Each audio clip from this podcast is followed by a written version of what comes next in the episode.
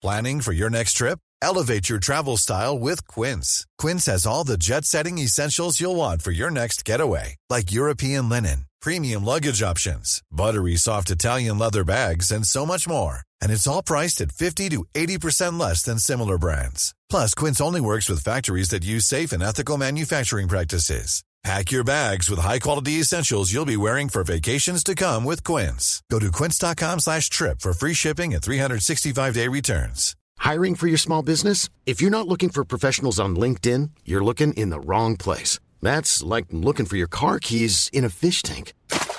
LinkedIn helps you hire professionals you can't find anywhere else, even those who aren't actively searching for a new job but might be open to the perfect role. In a given month, over 70% of LinkedIn users don't even visit other leading job sites. So start looking in the right place. With LinkedIn, you can hire professionals like a professional. Post your free job on linkedin.com slash people today. Hey, Dave. Yeah, Randy. Since we founded Bombus, we've always said our socks, underwear, and T-shirts are super soft. Any new ideas? Maybe sublimely soft. Or disgustingly cozy? Wait, what? I got it. Bombus. Absurdly comfortable essentials for yourself And for those facing homelessness. because one purchased equals one donated. Wow, did we just write an ad? Yes. Bombas. Big comfort for everyone. Go to bombas.com slash ACAST and use code ACAST for 20% off your first purchase. God morgon. God morgon. Hur, eh, hur känns det så här i adventstider? Hör du, eh, det känns ju inte alls egentligen eftersom vi befinner oss i Sydafrika. Så det känns väldigt eh, distanserat och ingen... Ingen lussestämning direkt. Ingen lussestämning på den. Om ni hör någonting som ni tycker att det låter som reggae i bakgrunden så är det faktiskt det det är. Ja, det kan vara en massa folk som går förbi och skriker och gapar också. Det Ja. håller på att ställa sig i ordning ett stort party här. Det ska bli partaj Det ska bli hela jätte, dagen. jättekalas. Ja. Ja. Det var lite grann partaj igår redan om ni tycker att våra röster är en aning beslöjade. Så att det, Så är, så är, det, så är det också sant. Mm. Vi är mellan partaj kan man säga. Ja, det här är helt enkelt en partajvistelse utanför Cape Town. Utanför Cape Town, i Tulbagh. Ja. Som är en fin gammal eh, 1700-talsstad som, som, eh, där det finns eh, rätt mycket fina såna här Cape Dutch-hus. En slags Mm. barockstil kan man säga. Väldigt vackert. De Mm. första som kom hit kom väl 1699. Vad Alltså- exakt har du läst på? Nej, det, jag står, det står på en skylt vid vägen så Okej. det känns inte jätteavancerat. Men, är jag. såg inte den. eh, nej, men de första settlers, alltså, Ja. sen- då fanns det naturligtvis en befolkning här. Men ni förstår själva vad som Det hände. måste vi ju säga så att vi inte blir stämda. Så att det inte blir fel. Mm. Det ska inte bli fel. Nej, men det är väldigt fint här. Det är vackert här och det är strålande sol och kan det vara 26-27 grader varmt kanske Ja, på morgonen. Alltså. på morgonen. Mm. Så det gäller, man, det är bra att man har, eh, man behöver en hatt ibland annars så kan man råka illa ut om man är blekfisar som vi är. Som tur är har vi här. Mm, det har vi. Ja. Ja, men man läser ju tidningen då om man försöker hänga med. Vad som Ja. händer där hemma i Svedala. Jag kollationerade DNs intervju med eh, Ulf Kristersson Ja, just det. Tyckte om? Tidöavtal. Jag vet inte, det, jag tyckte inte det var så inte det mycket var information. intressant. Nej. Nej. Och sen så var det en, en nyhetskommentar vid sidan om som gick ut på att om han förlorar stödet i riksdagen så faller regeringen. Och det är ju sant. Det är ju sant med alla regeringar. Det är alltid sant. Varje dag Så är det sant. sådär. Fast det är intressant, lite som jag tycker ändå är kul att, att rota i, som de var inne på i den här intervjun också, det är ju det här hur ska man eh, förhålla sig till varandra om man nu har ett, liksom ett samarbetsavtal. Och där tycker jag, jag tycker det är ganska bra det Ulf Kristersson säger att liksom, man ska visa respekt för varandra även om man har åsiktsskillnader. Det är ju, och det är ju ganska en, det är en ganska enkel regel, det gäller ju alla om man bestämmer sig för liksom att nu ska vi samarbeta då måste man ju visa den typen av respekt. Och det var ju det som var intressant med den här liberalgrejen som de nu försöker jaga Johan Persson med. Att han först sa att det var någon slags eh, brun sörja och sen fick han be om ursäkt om det. Men alltså, och, och, och så tycker man liksom att han viker sig för SD och så vidare. Men poängen är ju liksom att Ulf Kristersson har ju rätt. Om man nu ska samarbeta så här då kan man ju inte hålla på och prata om varandra på det där sättet, eller hur? Nej. Och det finns väl i Tidöavtalet också formulerat som att man ska... Ja, det finns det ju uttryckligen. Men jag menar, även om det inte fanns det så, så är det ju... Jag menar, eh, Socialdemokraterna håller inte på och, och kallar eh, Miljöpartiet för eh, miljömuppar när de samarbetar med dem, för Nej. det funkar inte riktigt. Nej, men det, och det där var väl ett sånt typiskt tillfälle, det var som partiet som måste stagas upp lite grann eftersom de, de Ja. har bråkat så mycket med varandra Liberalerna. Ja, och fortsätter göra det den här helgen också när de har sitt möte och ska välja Johan Persson permanent som partiledare. Men, men det också, visar också någonting annat, så det jag tänkte på lite grann när jag läste det här. Eh, hur svårt det är för, de här, för partier nu att ställa om. Därför att de har under så, må, många partier, inte minst Liberalerna, under lång tid har liksom levt på att eh, all, de kan alltid falla tillbaka på att tala om att Sverigedemokraterna är hemska. Det har liksom varit en väldigt viktig del av den egna identiteten också. Och när det faller bort så blir det jobbigt för dem. Det var det som, som Johan Persson liksom föll in i igen eh, internt.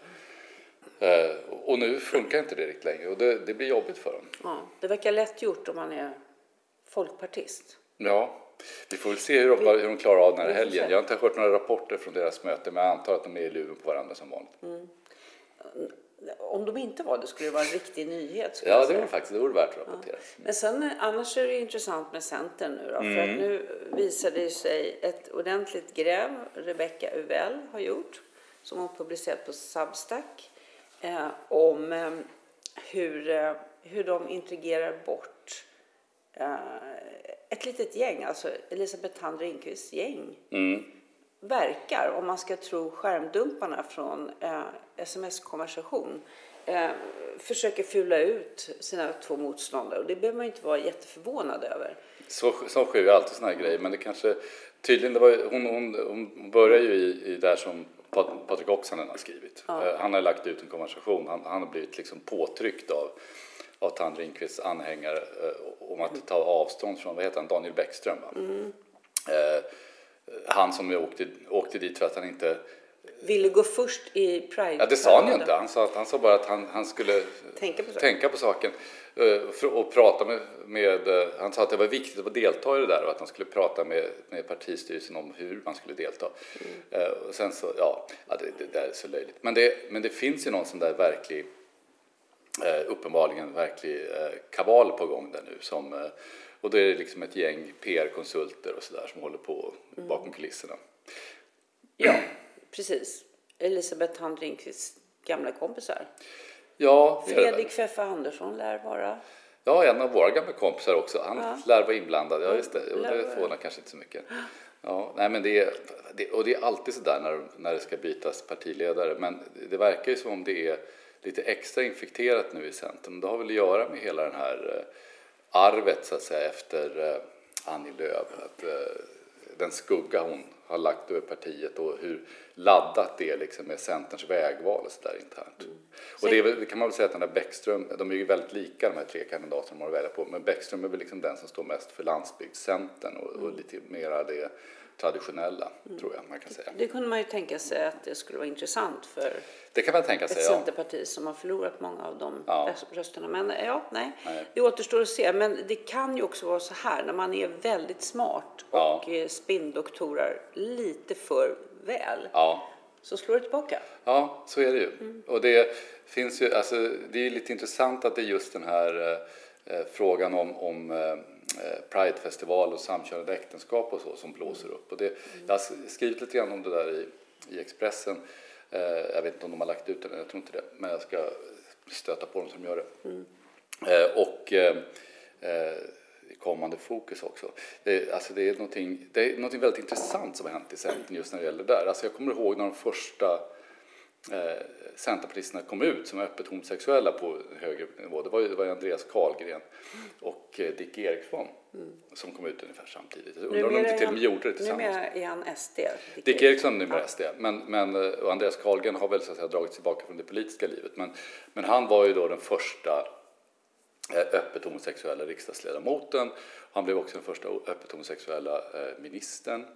Eh, och, eh, och blev liksom lite grann av en ikon i den där rörelsen. Och på något sätt så hände ju någonting med Centern där. Så att de har en väldig, eh, haft en, liksom en väldig eh, den här frågan om, om eh, hbtq-grejer och så har blivit väldigt viktig för Centern. Eh, vilket är ju lite också som så mycket annat med det partiet väldigt förvånande. Det finns ju gott om agrarpartier runt om i, i världen men de är sällan, eh, Eh, De är sällan så heta på just de här frågorna. Man säger så. De brukar vara ganska traditionella. Men det var ju Stureplan-Centern kan man ju säga som utvecklades. Ja, fast de har ju, så var det ju. Fast de, det var ju liksom hela partiet har ju följt med. Så det är ju inte en klick inom Centern utan det är partiet som helhet faktiskt. Så är det. Du, de här ryska, det här ryska spionparet, Ja. det är väl otroligt intressant? Ja, Man får det- ju faktiskt inte reda på så mycket heller. Nej, Nej, jag läste idag läste jag liksom det senaste som kommit här är ju att de har haft en lägenhet i Moskva där de har bott granne med en av de här GRU-agenterna som misstänks vara med ligga bakom eh, giftmordet i Salisbury eh, på gångavstånd från GRU-högkvarteret i Moskva. Där har de haft en lägenhet. Och sen så har de ju tydligen då släktband till en pensionerad chef eh, på, på Must tror jag. Eh, Men han, han uttalar sig i den här artikeln och säger att, att eh, ja, men eh, det, där, det där hände ungefär nästan ett decennium efter att, att jag hade slutat eh, och, och jag har varit lite misstänksam mot de här personerna. Så han verkar, det verkar inte vara något konstigt där men det, de har sökt sig till olika delar av samhället som är intressanta kan man säga. Ja, det kan man tydligen säga. Ja, jag tycker det är otroligt intressant därför att jag Ja. tror att det lite grann är ett uppvaknande för eh, svenskar förstår ju naturligtvis att det finns spioner i Sverige. Mm, Men det här verkar ju vara ett sånt sorts rätt avancerat upplägg. Mm. Alltså de har varit här länge, de är ett par. Det får mig att tänka på den här amerikanska serien The Americans. Ja, just det. Som vi såg Sleepers. med ganska stort eh, intresse. Ja, det handlar ju om ett Mm. par välutbildade spioner som lär sig då Får falsk amerikansk identitet, engelska ja. på ett jättebra sätt. Falska identiteter, de är ju inte ett par. Men Nej. de kommer till USA och låtsas vara ett par. Mm. Och sen blir de faktiskt ett par på riktigt. Så de får barn. Och blir amerikaner. Ja, de blir amerikaner. Och det konstiga är ju för de här barnen då att det finns ju absolut inga släktingar överhuvudtaget att Nej. prata om. Eh, och sen också så oerhört intressant det här fenomenet att en av dem i paret Mm. blir lite för amerikansk så han, han vill verkligen hoppa av Ja. och vara den han låtsas vara. Ja. Och den där, alltså jag tycker den där serien, den blev, det, var en, en, en sån här, det är ganska ovanligt, men det var en sån här serie som kanske inte började superbra. eh, Men, men som blev bättre eh, när man hade kommit in i den. Och en sak som jag tyckte väldigt mycket om med den, som var väldigt roligt faktiskt, det var ju scenografin. Alltså det är 80-tal i Ja. USA. Eh, det, jag gick i high school i USA då, på, på den här tiden. Och det, den är faktiskt väldigt bra. Alltså det är kul att se de här miljöerna och, och, eh, och det är skickligt genomfört. Och sen tycker jag det är bra, det är ganska bra eh, skådisar. Jag tycker särskilt om honom, han som spelar killen i, i, i, eh, eh, i det här gänget. Eller vad säger jag, i det här paret. Och eh, eh, jag ska, jag ska slå upp vad han heter, jag kommer inte ihåg vad han heter nu. Men, och han, honom har man sett i lite andra roller också på andra, andra ställen. Men han, han är duktig liksom. Och det, och det där är en ganska svår roll att spela ju. För att det är mycket som händer som man just måste gestalta. Därför att de kan inte ens berätta för varandra vad de egentligen tycker om USA. Särskilt när, när de liksom börjar känna att de kanske tycker bättre om USA än sitt hemland. Ja. Men det, det, det är en sak som lite fallerar där. Det är ju att de har ett vanligt jobb på dagarna, en resebyrå. Ja, just det. Och sen med så jobbar de som spioner på Ja. nätterna. Som, de sover aldrig. Nej, alltså det, det där undrar man lite grann över. Nu kan vi kanske tänka sig eh, att, eh, att spioner har liksom lite extra energi. Men det där verkar ju faktiskt en aning... Eh, en aning eh, för det går ganska bra för den där resebyrån också. De anställda, de verkar liksom ha mycket att göra. Så det är ju liksom inte bara en täckmantel. Nej. Just han heter eh, Matthew Rice. Heter han. Jag tror det uttalas Rice. R-H-Y-S. Ja, den är bra. Eh, sen måste jag säga att i eh, Fokus nu är en aktuell... En tidning nära dig. en nära oss. Mm. tidning nära oss. Har en otroligt bra rubrik som säger allt. Ryssland är ett privatbolag styrt av banditer. Man behöver nästan inte läsa Man behöver inte artikeln. läsa artikeln för det är precis vad det är. Vem är det som skrivit? Den här har Bengt Jangfeldt Ja, skrivit. bra. och den publicerades eh, faktiskt då den 25 vilket, Mm. november, vilket är igår om man lyssnar på det här Mm. den 26.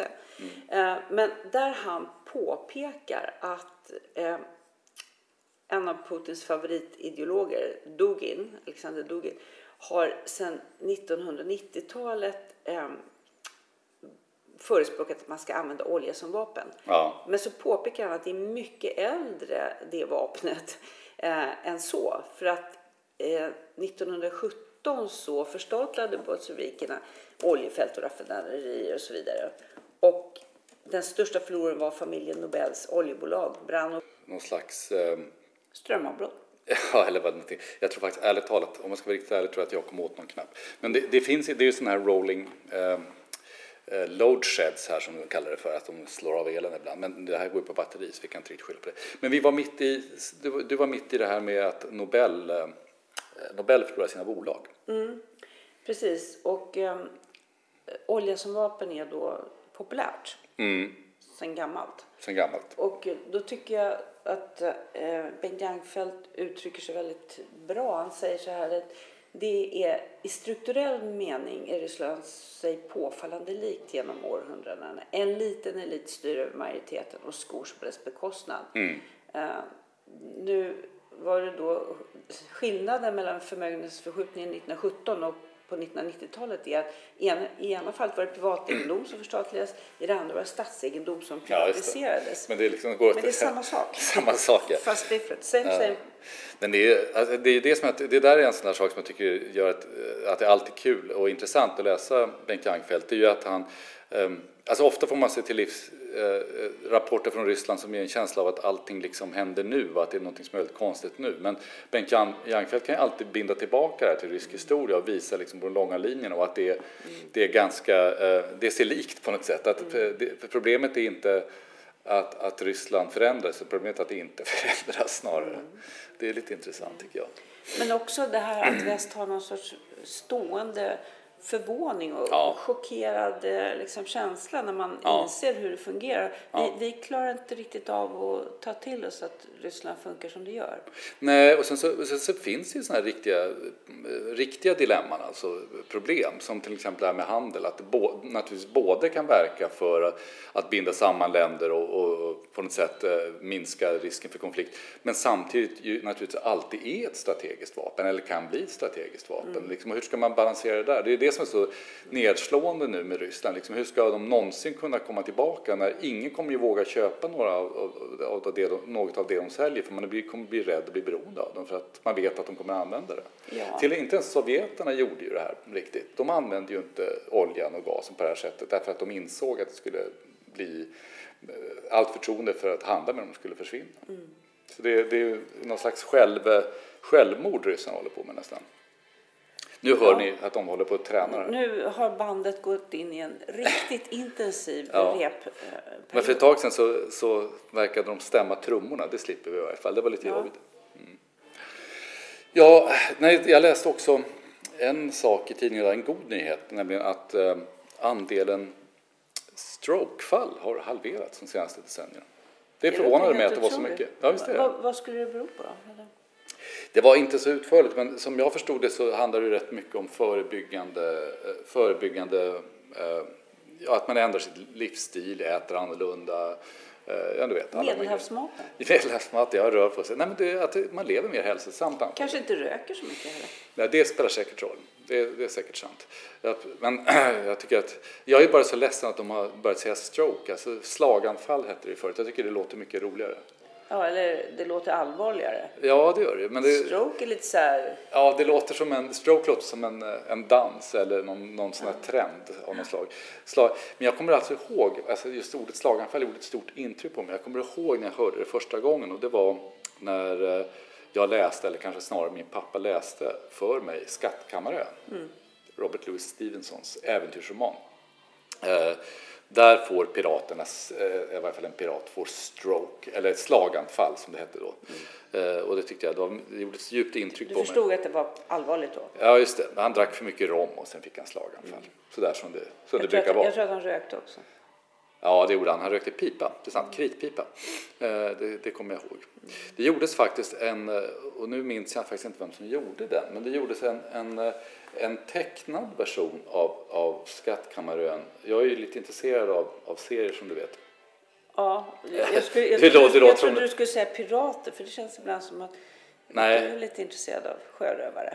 Nej, jag vet inte om jag är det. Det är väl bara för att jag gillar ju djuphavspirater av Linklater gillar jag. Eh, Men, men jag kan inte säga att jag är sådär direkt, eh, jag kan inte påstå att jag är sådär direkt eh, fascinerad av pirater som fenomen. Direkt. Men, men det kom alltså en sån här, eh, eh som nu heter, numera- heter väl grafisk roman numera, det heter inte serie, det ska vara lite fint. Eh, och eh, jag undrar om den hette eh, den hette nog John Long Silver tror jag snarare än som är den här huvudpiraten än Skattkammaren. Men den var väldigt bra och jag önskar att jag kommer ihåg vem det var som gjorde den men, men eh, jag kanske kan slå upp det här under tiden vi pratar. Det, man ska ju alltid credda dem man pratar om tycker jag, det är taskigt. Det tycker jag också. Va, vad sa du att det kallas nu, serier? Det kallas för... Grafiska romaner tror jag att det är det man brukar säga. Va? Men är det inte otroligt intressant? Eh, Ju mer romanen som sån kommer i bakgrunden, vilket man väl får säga, det är inte riktigt kultigt att läsa romaner i Nej, det är en tid. subkultur. Men desto mer håller man på att snylta på skönlitteratur och romaner. Alltså det, man vill ta det där liksom inneboende värdet som det har haft Ja. och så ska man göra om det i andra så kallade kanaler. Ja. Ja. Jag tycker det, det, det, det gör mig lite ledsen. Det är väl, men det är väl antagligen eh, eh, det är väl antagligen så att, att det romanen ger är liksom en eh, cred, alltså status.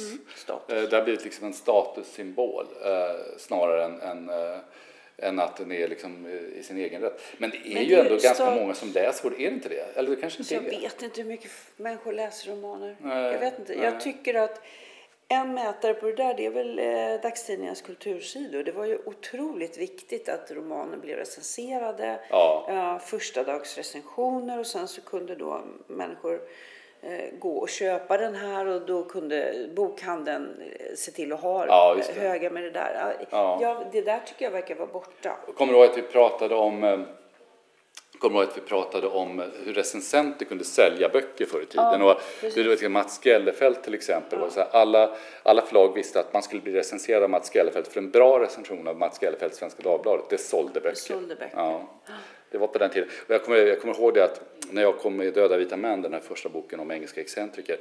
eh, Då, hyrde, då skrev jag Aftonbladet. Så då hyrde Aftonbladet in eh, in uh, Gellerfelt och recenserade i Aftonbladet för att det inte skulle liksom bli någon jäv där. Mm. Vilket gjorde förlaget otroligt, otroligt less, ledset eftersom då kunde han ju inte recensera den i svenskan också. Och det var där han skulle recensera den för att få den såld. Det var precis det, var det som var målgruppen. Xavier Dorison heter personen som har gjort den här Long John Silver slagit upp här. Ja. För den som är intresserad. Den grafiska romanen. Den grafiska romanen. Men vi måste, alltså vi ska ut på safari nu. Ja, det ska Eh, vi. Ja. Och vi ska, försöka, vi ska försöka podda därifrån också, men vi vet inte riktigt hur det är med uppkopplingar och så. Så det, det kan hända att det dröjer ett litet tag, men Och det är elavbrott här i två gånger om dagen. ja, ungefär. Ja, och det tycker jag det är en bra övning. Det kommer vi ha i Skåne det, också. det kommer så. till Sverige snart, så Ja. det är lika bra. Nej, men vi, och vi, och vi, och det kommer ju vara såna här, vi, kommer, det, vi ska åka ut tidigt på morgonen och så, det kanske vi inte är så bra på. Men jag, jag, jag drömmer lite grann om att jag ska ligga där i sängen i vårt, i vårt camp Tält. i vårt tält och läsa Proust. För jag tycker det finns, det, det finns någonting, eh, det känns väldigt romantiskt att ligga på savannen i en säng och läsa Proust, gör inte det? Jo. Ja, så, så Det ska är det bli. Det, det är bra. Den kommande veckan, veckan Ja. kommer det bli så. Ja, du får fortsätta med din Don DeVillo. Det gör jag. Mm. Det lovar jag. Men nu Bra. ger vi upp här. Eh, Vi är ledsna för avbrottet mitt i, men det hoppas jag att vi lyckas fixa. Ja, Eh, Vi tack ses så snart. länge då. Bye, bye. Bra. Even when we're on a budget, we still deserve nice things. Quince is a place to scoop up stunning high-end goods for 50 to 80% less than similar brands. They have buttery soft cashmere sweaters starting at $50, luxurious Italian leather bags, and so much more. Plus, Quince only works with factories that use safe, ethical, and responsible manufacturing. Get the high-end goods you'll love without the high price tag with Quince. Go to quince.com slash style for free shipping and 365-day returns.